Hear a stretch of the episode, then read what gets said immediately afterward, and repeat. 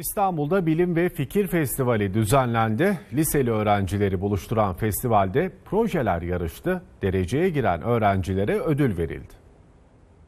her anında kullanabiliyoruz. Liseli gençler projeleriyle yarıştı. Başarılı bulunanlar ödüllendirildi.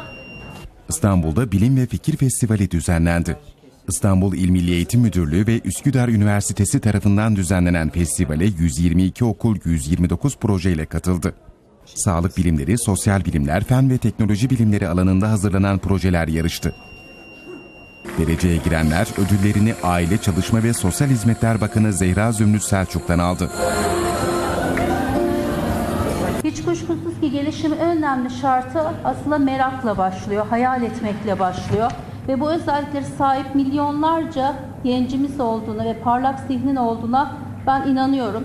Biz tabii bu yola çıkmak ne kadar önemliyse aslında bir o kadar da önemli olan bizlerin sizlere yani gençlere bu yolu açabilmemiz. İcat çıkaracak beyinler arıyoruz sloganıyla gerçekleştirilen festivalde dereceye girenlere para ödülleri verildi.